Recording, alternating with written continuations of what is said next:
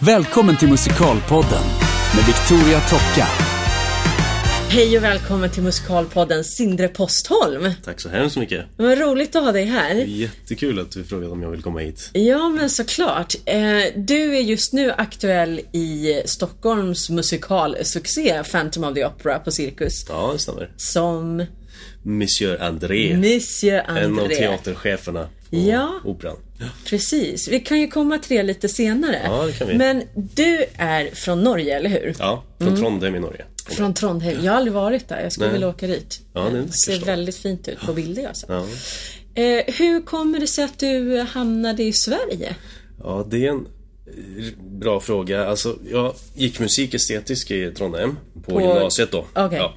Och sen eh, kom jag ihåg att jag hade en, ett, ett samtal med en kompis där uppe om, eh, om musikal. Jag visste inte så mycket om musikal då. Nej. Jag hade inte sett någon musikal eh, sådär, så jag visste inte så mycket vad det var för någonting. Men hon sa så här att kanske du ska satsa på det, kanske du ska testa. Ehm, och då kom jag ihåg att jag satt och tänkte så här att ehm, Ja, jag måste nog testa. Jag vill inte sitta när jag är 30 och ångra. Och för mig var ju då 30 år var jätte... Gammalt. Jättegammalt liksom. Det var liksom det jag såg fram emot. Då var då det liksom... måste, då är livet slut. Ja, då är det slut. Då är det alldeles för sent. Så, så jag kände, jag började söka på nätet då efter folkhögskola, Ja. musikal. Fanns inte så mycket i Norge. Och så hade jag alltid haft eh, lite lust att åka till Sverige av någon anledning. Jag vet inte varför, men det var... Så nej, det var någonting som lockade mig till Ja, Sverige fattar. på något sätt. Så jag sökte ju då på Alta Vista som det var den gången. Google Ja. fanns ju inte. Nej, precis. Och så kom det upp en Så bild. gamla är vi, liksom. Ja, så gamla är vi. Eh, och kom upp en bild där på eh, Musikteaterskolan i Bjärnum. Jaha. Mm. Och eh, jag bestämde mig för att eh, sticka dit och söka.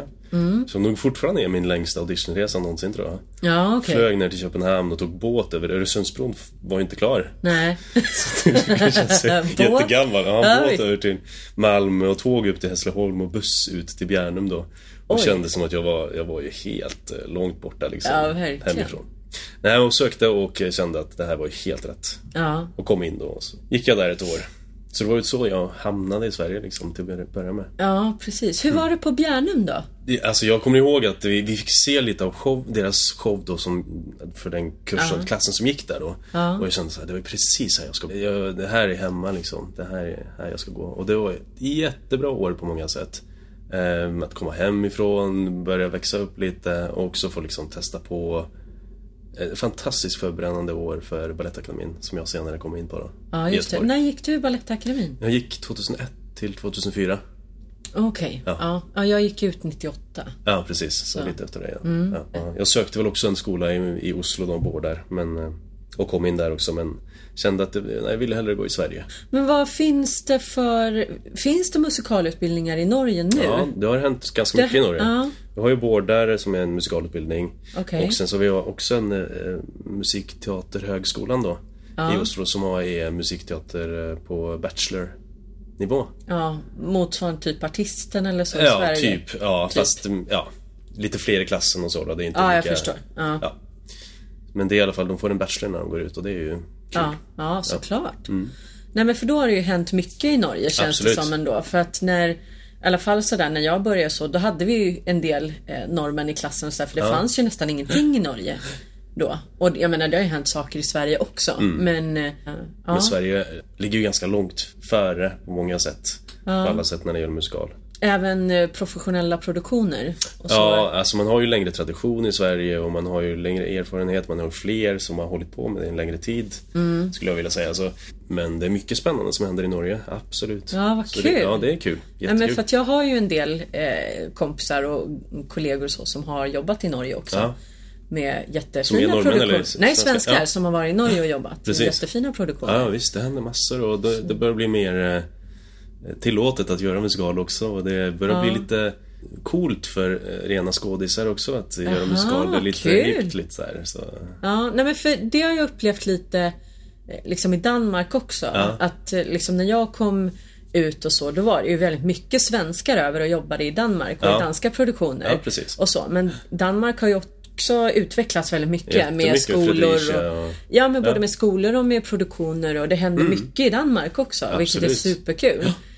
Ehm, Men jag tror utan att vara för patriotisk, att det liksom ändå startade ganska mycket i Sverige, i de skandinaviska länderna. Ja. Sverige ligger långt före på många, många sätt. Men det är ju det är bra, man kan liksom... Jag skulle önska att det var mer samarbete mellan länderna också.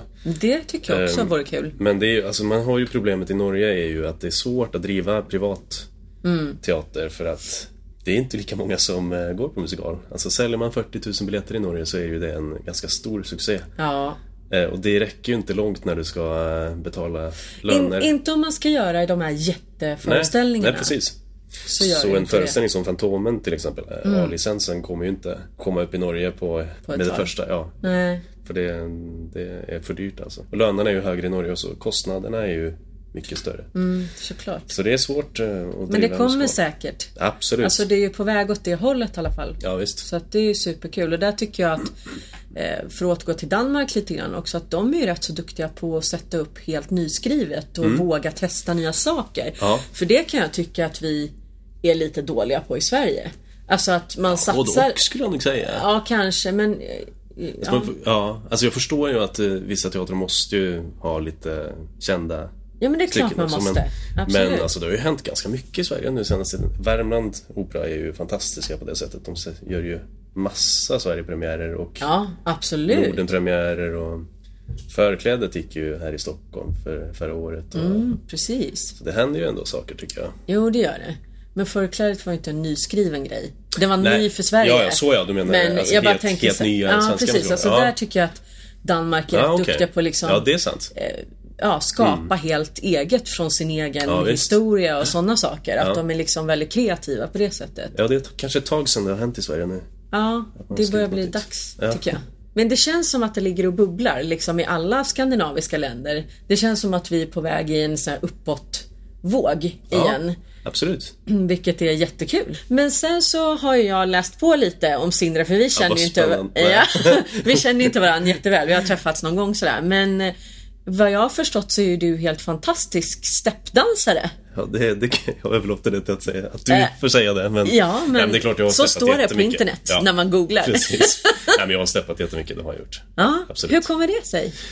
Eh, Jag började faktiskt steppa, de första danslektionerna jag tog i Trondheim då. Ah, när jag var okej. 17. Ja. eh, Så började jag steppa.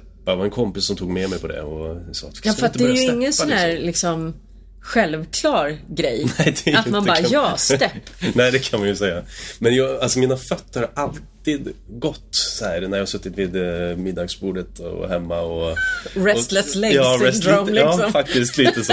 De har ju alltid trummat under bordet och så här, skapat olika eh, system så här om jag eh, flyttar tån dit och liksom sen Ah, jag var fattar. liten så har liksom mina Ah. fötter gjort såna här mönster och eh, rytmer och sånt utan att jag helt har vetat vad det är för någonting då. Ja, ja, ja. Liksom var- varit fascinerad av det. Ja. Ehm, Så, ehm, så när jag började med steps så kändes det ju självklart att jag hade väl ganska bra talang för det då.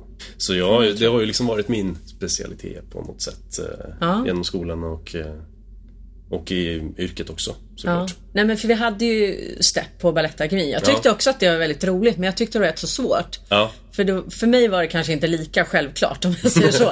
Men det är ju alltså, det är en otroligt häftig konstform och speciellt om alltså, folk som är riktigt duktiga på det. Mm. Så är det ju otroligt coolt att kolla på. Absolut, det är jättekul. Ja. Och det, det, det tycker jag också är kul med Sverige, att eh, nivån börjar gå komma väldigt högt upp liksom på, Ja. eh, på musikalartister som steppar. Och eh, man får, eh, man får se väldigt bra steppnummer i musikaler runt omkring så det tycker jag är jättekul. Ja, Det är verkligen. inte bara så här man räddar sig igenom någonting och man kör live step i de flesta musikaler och spelar inte in. Och, nej, så det tycker jag är jättekul alltså. Mm. Men när du gick ut Balettakademin, vad hände då?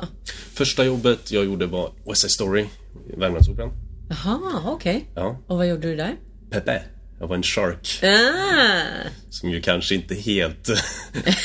inte helt självklart. Nej, inte helt självklart. Mina blåa ögon och...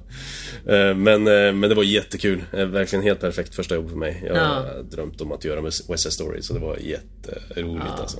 Perfekt start och Värmland Opera som jag ju då senare kom tillbaka till. Det var liksom på min, Ja.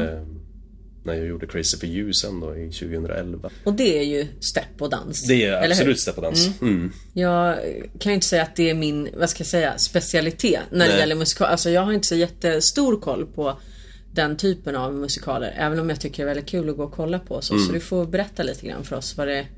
Alltså Crazy for You är ju en, den hade väl premiär i 94 om jag kommer ihåg på Broadway då. Och den är ju skriven då. Ja. Det är ju inte en gammal musikal men den är ju skriven som en gammal musikal. Eh, Gershwin-musiken då. Den här fantastiska musiken som man har plockat ihop låtar av Gershwin och gjort en ny historia men skrivit den i en gammal stil eh, som en 30-talsmusikal. Så den är ju superbra och effektiv och mycket step och mycket dans. Och så dansen spelar en väldigt stor eh, roll i själva föreställningen på något sätt. Ja. Det tycker jag är en komedi, en fars. Jätte, fantastisk föreställning. Där jag gjorde min första huvudroll då. Ja, vad som roligt. Bobby. Så det var en helt, helt fantastisk eh, upplevelse tycker jag. Ja men alltså en bättre start i en stor roll kan man ju inte få heller då. Nej, Eller hur? nej absolut inte. Men det tog, alltså det var...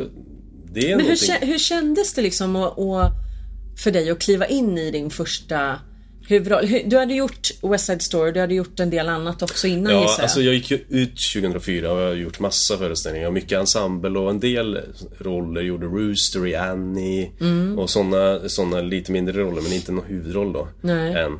Så, och jag har aldrig en- egentligen sett på mig själv som en huvudrolls... Eller det har aldrig varit något jättestort mål för mig. Nej okej. Eh, att spela de här huvudrollerna. Men när Bobby kom upp då Mm. och det, jag var på audition för den så kändes ju det helt självklart med steppen och, Mm.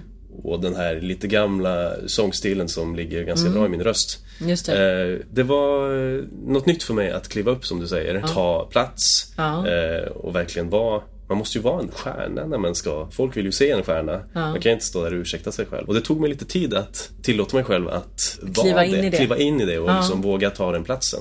Så en jättebra skola. Men jag hade ju världens bästa team då, då med Juni Big och David White. Ja. Som MDs och...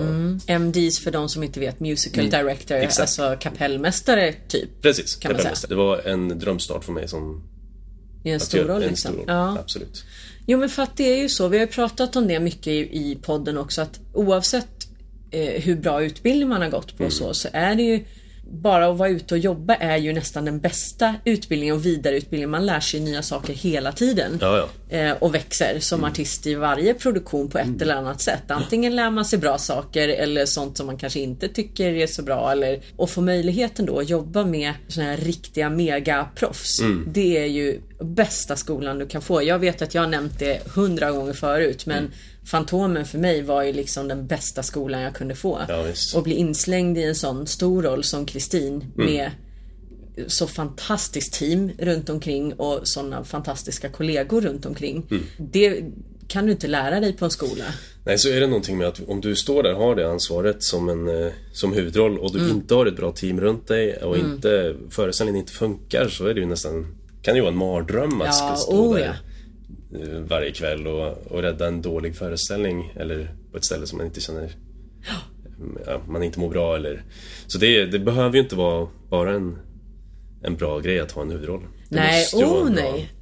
Och det där är ju också någonting som man pratar ganska mycket om, eller som jag känner som har börjat producera nu. Mm. Också att många gånger så är det ju viktigare att hitta rätt kemi så att du får rätt känsla i gruppen än att kanske välja de som är absolut vassaste sångarna eller alltså så. För att det handlar så mycket om att Alltså det här man inte riktigt kan ta på. Ja. Att du måste hitta en bra Ja, bra energi i gruppen. Eh, och när man hittar det då De kan är ju man ganska bra de artisterna du jobbar med också då. Det kan, kan man ju Ja, säga. ja, gud alltså. Om jag säger ifrån Broadway till Duvemåla så har, känner jag som jag har vunnit på Lotto liksom. precis. De är ju helt fantastiska Ja. på alla sätt. Men liksom grädden på moset är ju att kemin är fantastisk Ja, ja, oss visst. emellan. Alltså, Ja, det måste ju vara så. Självklart, det ska absolut nämnas. De är ljuvliga på alla sätt. Ja men så efter Crazy for you i Karlstad. Då hade du spelat din första huvudroll. Ja. Och vad hände då? Då gick jag direkt till eh, och spelade en annan drömroll då, eh, Riff i West Side Story i Norge. Jaha, Eh, som var med originalkoreografi. okej. Vilket var jättekul och stor symfoniorkester och vi öppnade då ett nytt teaterhus i Norge, i Kristiansand i Norge. Okej. Eh, som också var en väldigt speciell upplevelse att stå på en scen som... Alltså hela huset var helt nytt. Ja. Ingen själ i huset än liksom. Det är, det är en helt, eh, bara vita väggar, inga affischer någonstans. Och ganska speciell upplevelse. Och ja. också så stå där och öppna den scenen väldigt... Ja, det är ju fantastiskt. Och sen få göra riff var jättekul tycker jag. Det var, Men det är ju att vara med och skriva liksom musikalhistoria i ditt eget land. Det ja, är ju fantastiskt. Sätt. Ja, det kan man ju säga. Det har jag inte tänkt på men Ja, absolut. Ja. ja men... men... West Side Story är ju en, en makalös musikal. Det är ja. ju liksom musikalernas musikal på något sätt. Så. Ja, den är ju det. Mm. Eh, så att, jag menar, det bör ju vara i alla fall varje musikalartists dröm att ja. någon gång få spela West Side Story. Jag har faktiskt aldrig fått göra det. Jag är lite bitter. och nu finns det liksom, men jag, alltså det finns inte så mycket för mig att göra i West Side Story. Jag tror att det är det som är problemet. Nej, nej kanske inte. För om vi går tillbaks då till det här som jag alltid gnäller på i den här podden. Att jag hade väldigt svårt att få den typen utav jobb som jag rent vokalt var rätt för. Ja. När jag var yngre. För att jag är liksom inte byggd som en liten, liten flicka. Nej. Om jag säger. Så var det ju svårt för mig att få sådana roller som mm. Maria i West Side Story och Cosette och så som ska vara liksom små flickorna. Mm. Um, så att det blev liksom aldrig av. Men jag Precis. kan ju tycka om West Side Story för det. Ja, den är ju underbar. Nej, alltså det är ju, det kan jag ju känna själv också att det, man börjar liksom bli lite äldre nu, alltså jag är 35 nu. Och mm. börjar liksom ändå röra sig åt en gräns där man inte längre kan göra, det är inte självklart att man kan göra vad som helst. Nej. Av eh, musikaler uh, i vissa ensembler och West Side Story, man börjar väl kanske bli lite gammal. Och, så det är intressant att börja känna på det och börja blicka lite framåt istället vad Ja. Vad kan man annars göra? Precis, men samtidigt så måste jag säga att jag tycker att det är väldigt skönt också.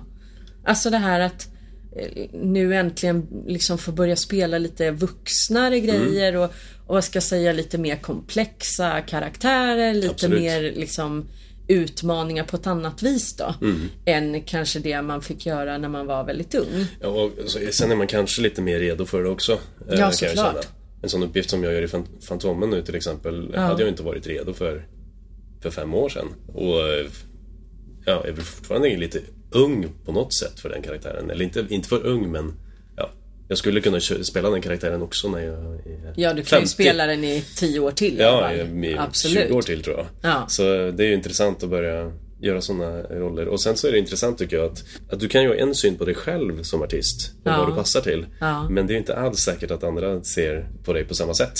Nej, och, och plötsligt det... kan någon föreslå att du ska göra någon roll eller eh, någon grej som du bara Va? Hur kan jag göra det liksom? Ja. Så kan man det för att man får eh, ett stöd och man får bli pushad att göra det. Och så, det, det är mycket mer intressant tycker jag att se Inte se det helt självklara Alltid. Nej, precis. I, I roller. Det är då det intressanta kan uppstå. Och hur hamnade du i Fantomen? Ja, det är ju en eh, rolig historia. Jag skulle ju egentligen inte göra Fantomen och skulle vara ledig i tre månader ja. i höst och skulle ja. äntligen ta det lite lugnt och ha lite, ha lite semester, kanske åka till New York och lite sådär. Ja, jag fattar. Jag precis eh, gjort klart ett sommarjobb och låg på soffan och tänkte att gud vad skönt att vara lite ledig nu. Ja. Men också kul att vara tillgänglig för jobb. Ja, just För att det. är ju ofta så att plötsligt ringer telefonen och, mm. och så är det någon som behöver någon någonstans. Och det hände ju då två dagar senare att jag blev uppringd från Fantomen och de behövde någon att hoppa in i en roll. Så jag fick eh, åka upp dagen efter, göra audition och en timme senare så satt jag och provade peruk och kostym. Vilken och gick grej. in och repade. Så det var en väldigt speciell upplevelse. Ja, jag förstår det. Ja. Men var Fantomen någonting du hade liksom tänkt på i Nej. livet tidigare. Nej, jag har ju sett Fantomen och jag gillar den jättemycket. Jag älskar ja. den föreställningen. Men aldrig sett för mig att det finns någonting för mig där. Nej. Riktigt. Så, så det var ju också intressant. Nej men för jag kan ju tänka mig liksom med din bakgrund och mm. så att det första man tänker på är inte att jag ska åka och söka Monsieur André i Fantomoperan. Nej precis. Nej. Nej, nej absolut inte. Men jag har ju sett dig i föreställningen och du gör det ju superbra. Ja, tack för det. Ja, det är jättekul. Och det där är ändå, det är kul att bli pushad och liksom få, få testa något nytt och, ja. och se att man fixar det och det är då man lär sig saker. Ja, verkligen. Man inte bara safear och gör saker som man alltid har gjort. Alltid har gjort. Nej. Det är då man faktiskt utvecklas. Men det är jag. lite det det här yrket går ut på också. Ja, att våga stå där på kanten och bara hoppa. Ja, precis. Man måste ta de här chanserna när de kommer. Eller och, man måste ju inte, men eh, man, eh, om man gör det så kan man uppleva ganska ja, mycket Ja, och jag tror att Alltså måste och måste, men vill du liksom jobba i det här yrket och tar det på allvar och vill göra det, alltså ha det som ett yrke resten av livet. Då tror jag ändå att man, det kommer tillfällen när du faktiskt måste hoppa. Ja, alltså förstå vad jag absolut. menar och bara okej men nu liksom ett, två, tre. Nej, Ja, men du vet, man känner ju verkligen att man lever när man plötsligt åker och sen kommer in i ensemble som har repat lite innan och plötsligt ska man vara en del av någonting man inte trodde man skulle vara en del av. Ja. Men eh, det är en väldigt speciell upplevelse. Och det som också är så intressant då är liksom alla människor man möter på, på vägen som man kanske inte hade mött då. Ja men såklart. Jag har ju haft Sanna Martin Ja, i podden precis. också. Och, och för, hon berättade ju också om sin resa just in i Fantomen. Att det var ju absolut inte självklart för Mm. Nej, henne. Hon hade inte ens tänkt att söka. Nej. Men just den här inställningen som hon också har. Att ja men vi kör och ser Ja. liksom. Eh, Och jag tror att eh, den inställningen är någonting som gör folk framgångsrika i det här yrket. Mm. Och sen kan man ju diskutera vad är framgång och vad, alltså är det att ha Absolut, huvudroller hela intressant. tiden eller är det att man har jobb så att man kan försörja sig eller är det att utvecklas som artist? Det kan ju vara väldigt många saker som definierar framgång som musikalartist. Ja, ja visst. För mig så är det väl Jag tänker väl på framgång som att du uppnår någonting du har velat uppnå. Nå dina mål. Det är väl det som är det viktigaste tänker jag och att man njuter av det just där man är för tillfället. Ja. För man kan inte sitta och tänka att det här ska leda till så mycket eller och vad ska jag göra sen?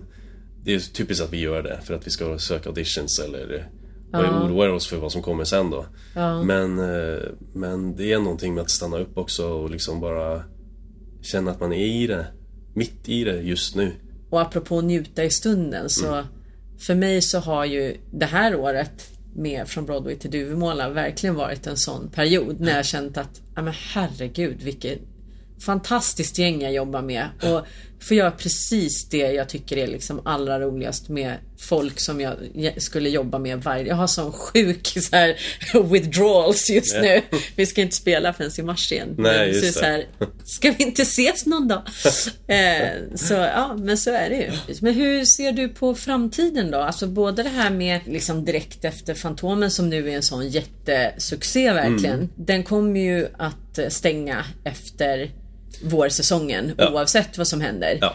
Eh, så att det kommer ju en tid när Fantomen är över och eh, dels tänker jag bara den liksom allra närmaste framtiden hur du tänker dig. Mm. Och sen också framtiden att bli äldre artist och det här med liksom hur länge klarar man av att dansa? Du Mm. vet sådana saker. Ja. Nej, det är ju, alltså det är, man tänker på det hela tiden, vad man, eh, vad man trivs med och hur man trivs i branschen och, eller med det man håller på med.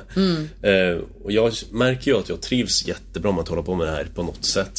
Ja. Sen kan det bli lite mycket ibland, så man behöver få lite distans till det igen. Ja. Eh, och, och det känner jag väl att efter Fantomen ska jag göra en pjäs i Norge. Eh, Talteater? Talteater, ja. Vad bli- kul! Ja, det blir jättekul. Har du något. gjort det förut? Ja, vi har gjort alltså, lite barnteater och sånt då, men inte, Nej. inte ren talteater. Och vad är det här för någonting då? Ja, det får jag inte säga Nej. än då. Tyvärr. Typiskt. Typiskt. Ja, men någonting en jättekul- spännande ska du göra i Norge. Ja, Ja, okej. jättespännande blir det. Eh, I två månader. Och sen har jag tänkt att jag ska vara lite ledig då ett litet just tag. Eh, och så får vi se. Eh, jag är lite där att jag, jag är väldigt nöjd med det jag har uppnått och väldigt nöjd Mm. med det jag har gjort. Så jag känner inte att jag måste så mycket Nej. längre. Så jag tänker hellre att jag låter saker komma till mig lite och Ja. se vad som händer, eh, vad som dyker upp. Eh, som du säger, så jag kan ju inte dansa på samma sätt när man är 50. Nej. Så man eh, försöker hålla mig så bred som möjligt, vara öppen för det som händer. Bor du i Sverige nu? Ja, nu bor du ju Nu här i eftersom du gör. Fantomen. Jag bor i Oslo, jag har min Ja, bas i okej. Oslo. Basen i Oslo. Vilket ju är, också är fantastiskt för mig att jag kan jobba i Sverige och Norge. Ja. Att jag får möjligheten till det. Och jag älskar ju att jobba i Sverige, jag tycker det är så kul. Vad är skillnaden då? Finns det några skillnader tycker du på att jobba i Sverige Det är kontra lite det vi har Norge? pratat om Ja. med att en längre tradition och det finns kanske lite, alltså institutionsteatrarna, Malmö till exempel, Malmö Opera Mm. och Göteborgsoperan, de har lite mer pengar än institutionsteatrarna har i Norge att göra musikal. Så produktionerna är kanske lite större och lite mer påkostade faktiskt. Ja. Även fast vi har våra oljepengar i Norge som ja, jag tänkte precis säga det. som vi inte får använda liksom.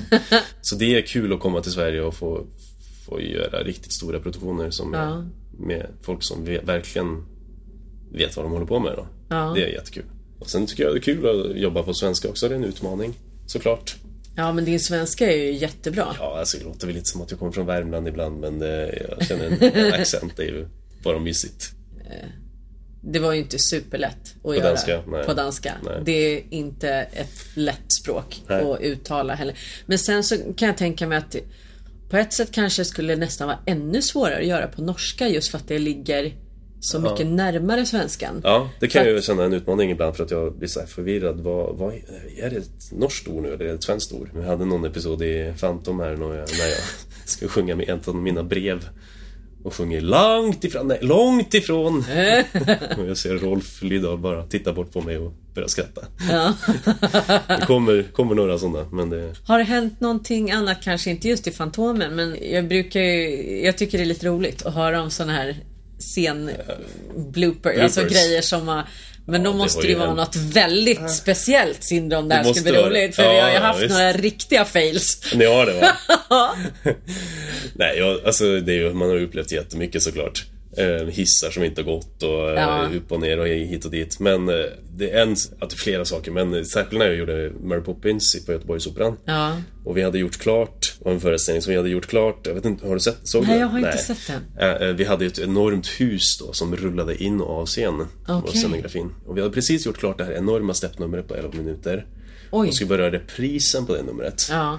När vi står framme och steppar och så ska huset rulla in bakom oss. Ja. Och när vi har gjort de här fyra åttorna med koreografi framåt mot publiken så ska alla vända sig om, 25 steppare. Ja. Och sen steppa in i det här huset då. Ja. På olika ställen. Och vi börjar den här reprisen och full av energi och det är så bra stämning i publiken och vi hoppar runt allihopa efter den fjärde åttan och det är inget hus där. Det har liksom gått tom på batteri eller någonting. Batterierna är slut så det har inte rullat in. Så en helt tom scen på Göteborgsoperan och den enda koreografin vi har är ju i In i huset. huset. Så det som händer är ju att det är 25 steppare som försöker improvisera ett steppnummer tillsammans. Som ju inte alls blir särskilt lyckad. Folk börjar hoppa, studsa och hjula och försöker liksom fylla en hel Göteborgsoperan-scen. Eh, och det var ju helt katastrof. Men det här huset kom ju in till slut då, så vi var ju räddat avslutningen i alla fall. Ja, okej. Har ni Ja. haft några eh, tekniska fails i Fantomen hittills? Eh, ja, fast inga så roliga då. Men det är, det är ju en extremt teknisk föreställning. Jo, jag vet. Mm. Så, ja, du vet. Eh, så det är klart att det händer saker. Och, men vi har inte fått bryta så många föreställningar som tur är. Och, det, och när det väl händer så går det snabbt över. Vi har ju ett fantastiskt tekniskt team Ja. som eh, fixar saker jättesnabbt. Ja. Så det, det är nog ingenting som händer och ingenting som publiken märker så mycket av i alla fall. Nej, när det händer precis. saker. Men det är ju klart, det är en enorm teknisk föreställning. Ja. Och hur tänker du när det gäller auditions till exempel? Ja. Är du en sån här som gillar auditions och som är bra på det eller hur känner du? Ja, alltså jag har i alla fall slutat vara nervös. Och det är jätteskönt. Eller som oftast i alla fall. Jag är väldigt sällan nervös på auditions. Eh, och jag vet inte varför, men det är kanske någonting med att man vet att man man kan det man kan och man kan inte det man inte kan. Nej, så man är precis. lite lugn med vad, ja, vad man kan göra. Så det känns jätteskönt och jag, nu kommer det säkert vända bara för att jag har sagt det här nu och så kommer jag Nej. vara skitnervös nästa gång. Nej men det var häftigt att komma upp och, och göra audition för hela Broadway-teamet i Fantomen till exempel och kände Ja. att ja, men det här är lugnt, jag kan. Jag kände väl mer så här att jag presterade så himla bra på audition så jag ville nästan säga till dem att Alltså ni kan inte få vänta er det här på föreställning sen. Det här, jag är inte så bra som jag gjorde nu liksom. Ja, precis. Nej men det är ju en fantastisk känsla och, just det här när man liksom kommer in och får flyt och känner flytet på, liksom, på Ja. en audition. Det är ju fantastiskt. Ja visst, Lika känner lugnet som- och känner att det är liksom det är ju, De är ju lika intresserade av att vara, ha dig där som, att, som du är att vara där. Jag tycker att de roligaste auditions jag har varit på Det är ju när de också ber om saker kanske som man inte har förberett. Eller så, bara för, alltså jag... Mm. Ja visst, för då får du jobba med någonting. Precis. Eh, Det är jättekul tycker jag. Eller göra låtarna om igen med en annan... Förutsättning Ja, eller... Det är det som är kul. Ja, för att det är oftast då tycker jag i alla fall som jag själv kommer till min rätt. För att jag Mm. är inte så rädd för att bara hit, liksom, slänga mig ut och testa saker. Nej. Däremot så kan jag i alla fall tidigare känt att jag har haft väldigt hög press på mig själv att prestera det jag själv har förberett. Om du Ja, förstår vad jag menar. För att jag det här förstår. ska jag kunna liksom. Ja. Nu har jag väl slappnat av mer i det också. Men när jag liksom har varit som bäst på auditions, alltså i alla fall känslan har varit bäst för mig. Har varit just när de har liksom börjat jobba med en och slänger fram nya förutsättningar och mm. testar det här och mm. eller så här, ja. Det är säkert lite, lite annorlunda för att vara kille också för att man är mm. inte, vi är ju inte lika många. Det är ju ofta, tyvärr för tjejerna då att det är oftast flera tjejer på audition. Ja. Man känner kanske att man lättare sticker ut som kille. Ja, och framförallt om man är bra. Ja, ja det, Nej, det brukar liksom, ju hjälpa. Jo, men du förstår ja, mig rätt nu men alltså på tjejsidan så är det ju väldigt ovanligt att folk inte är bra. Ja. Förstår du vad jag menar? För att det är så många. Så att mm. alla är ju bra så du måste ja. hitta ett annat sätt att sticka ut på. Ja. Men om man som i ditt fall både är liksom stilig, sjunger bra, dansar bra och liksom man i sin bästa ålder typ så har du ju liksom redan så här en hel hand med Absolut. stora pluspoäng. Förstår du vad jag menar? Ja, Medan som tjej kan du ju ha allt det där och ändå liksom inte ens komma förbi första audition ibland. Så I'm just saying. Ja, liksom. Sen är det faktiskt ett tag sedan jag har gått på en typ öppen audition eller, eller mm. en audition från början. Jag har haft lite tur och blivit inkallad till audition eller eller också ja, fått tur. Jobben. Jag måste ju säga att det är ju någonting man också har jobbat sig till ja, genom visst, alla absolut. år. Liksom. Ja, det, är ju, liksom. det är en naturlig utveckling när man Precis. jobbar mycket och, och har gjort saker så är det ju Ja, ja det blir ju så. Man blir ju inkallad. Eh, och då känner man ju också lite tryggare på att de vill se dig. Mm. Så det är klart att det är en annan inställning till en audition. Än om man... Ja, plus att då kommer du in i en situation där de oftast då som sagt redan känner dig, vet vad du kan och ja. kan börja testa lite nya grejer och sådär ja, och se liksom Alltså de har ju en annan inställning redan mm. från början. Ja, precis. Jo, men framtiden pratade vi lite grann om. Mm. Så att du ska göra en pjäs som du inte får prata om. men det låter jättekul och sen ska du försöka ha lite semester och så. Ja. Och sen får vi se helt enkelt. Ja, sen får vi se. Om jag hamnar i Sverige eller Norge eller ja. om jag åker till Karibien eller... Nej, jag vet inte. Jag tycker äh. det är spännande också att inte veta så mycket. Ja, såklart. Eh, det, det tycker jag är rätt skönt faktiskt. När man har landat i den här branschen ändå liksom, och det här sättet att leva. Ja. Man vill ju ha jobb och sen när man får ett jobb som är på ett år så bara, nej men det är ett år, ska jag verkligen vara här ett år? Du vet. Men har du familj? Nej. Nej. Då blir det lite mer flex Ja också. absolut, jag är väldigt flexibel på det sättet. Mm. Mm. För att jag känner att det är en av mina utmaningar hela mm. tiden. Eftersom jag, jag har två barn mm. och de börjar bli större. Alltså jag reste ju runt ganska mycket, eller vi reste runt ganska mycket när mm. framförallt min dotter då fortfarande var liten. För att då var man ju fortfarande ganska rörlig så att säga. Men ja. nu när hon går i skolan och det, alltså det blir ju liksom, det ja. blir ju mer låst. Så enkelt är det. Ja, man får tänka på ett annat sätt. Ja, Men, man får eh, göra sina egna grejer istället då. Ja, alltså det är mycket det som har styrt naturligtvis min mm. utveckling i den här branschen och vad jag håller på med. För att man måste hitta sätt att jobba. Och sen så har jag en, eh, har en agent i London som eh, som jobbar lite för mig där. Ja, har det var, äh, London, har det varit en dröm? Ja, det är klart, är? Alltså, det har ju alltså, legat där i tanken alltid. Det gör det väl ja. hos de flesta musikalartister att, man liksom, att det skulle vara kul att komma till West End. Men det är inte på samma sätt som det gjorde känner jag. Om jag ska Nej. åka dit nu och jobba, vad gör de, åtta föreställningar ja. i veckan och typ inte har något liv ut, utanför teatern. Nej. Så måste det vara någonting som jag verkligen är sugen på att göra i sådana fall. Jag har ju också varit inne på spåret att göra lite mer auditions i London och så. Mm. Men jag kan ju tänka mig att det är svårt att liksom bara få en superbra grej i London utan att, att vara där och verkligen ja, satsa på det absolut. under en period. Ja, absolut. Är det någonting du har tänkt dig? Att åka över till London under en period och göra ett, en Det är inte helt otänkbart att mm. liksom äh, åka dit och lite också för att jag, jag älskar ju London så mm. man kan ju absolut hänga där Ja. Och sen kan man ju se vad som händer om det dyker upp en audition så gör det väl det. Jag ska säga, när man pratar mycket om det här med typecasting och auditions mm. och ja men alla de här bitarna. Så att ha hittat på något sätt sin grej. Ja. Och, och kärnan i vad man själv alltså, är riktigt bra på och verkligen passar till. Och satsa på de grejerna. Mm. Då kan du ju liksom få hur mycket bra jobb som helst. Absolut. Så att det är otroligt kul att höra tycker jag. Att du har hittat din grej men samtidigt vågar eh, vad ska man säga, söka det ut som ja. an, alltså Monsieur André Fantomen är ju ja. någonting helt annat. Ja. Jag upplevde i alla fall så på Balettakademin att eh, blev vi matade hela tiden med att bli så breda som möjligt, kunna så mycket mm. som möjligt.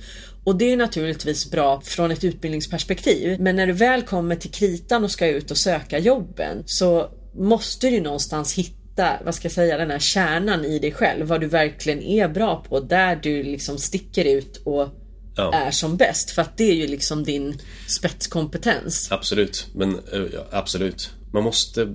Jag, jag skulle vilja ha börjat ännu tidigare att försöka hitta min egen väg, vart jag vill och vad jag... Mm. Eh, nej men alltså det är så viktigt att liksom känna efter vad man, vad man vill och inte bara vad man passar till tycker jag. För det är ju där du liksom får eh, känslan av det du håller på med och drivkraften Mm. i vad du vill uppnå. Eh, så ibland så, bara för att man passar till någonting men inte är sugen på att göra det betyder ju inte att man ska... Nej men där kan du hitta liksom en kombination också. Som, alltså, Mm. Ja, ja absolut. som kanske ingen annan har då Nej. istället. Och det är klart, det är där min styrka ligger då med sången, steppen och dansen. Eh, och teatern också såklart. Att, Ja. att det är inte lika många som kan det jag kan. Och det är då... Nej, och som är på den nivån. Ja. Och det är där liksom styrkan blir i förhållande till London också. Att när det väl dyker upp någonting som, som passar så är det inte plötsligt inte så många som kan Nej, exakt. man kan. Och då har man kanske en chans där då. Men vi får se. Jag Då kommer vi att liksom- titta på dig och Ja. hejar på Sindre Postholm på West End. Kan vi göra Då ändå? kan alla komma. Ja, Nej, de har släppt jag- en massa nya biljetter till Fantomen också. Så att Ja, de som vill se Sindre som Monsieur André i Phantom of the Opera i Stockholm får skynda er och skaffa biljetter till Cirkus. Ja. Fantastisk föreställning. Ja, jag förstår det. Och som sagt, det blir ingen förlängning efter våren. Så att, eh, Nej, det blir nog inte det. Så Nej, så att då på. får man passa på nu. Ja. Gud vad roligt det har varit att ha dig här och Ja, lära känna dig bättre. Ja, det och kul. få veta mer om Step och alla de musikalerna och, och så. Tack så jättemycket för. Tack att du ska var du här. ha. Vad kul. Musikalpodden med Victoria Tocka.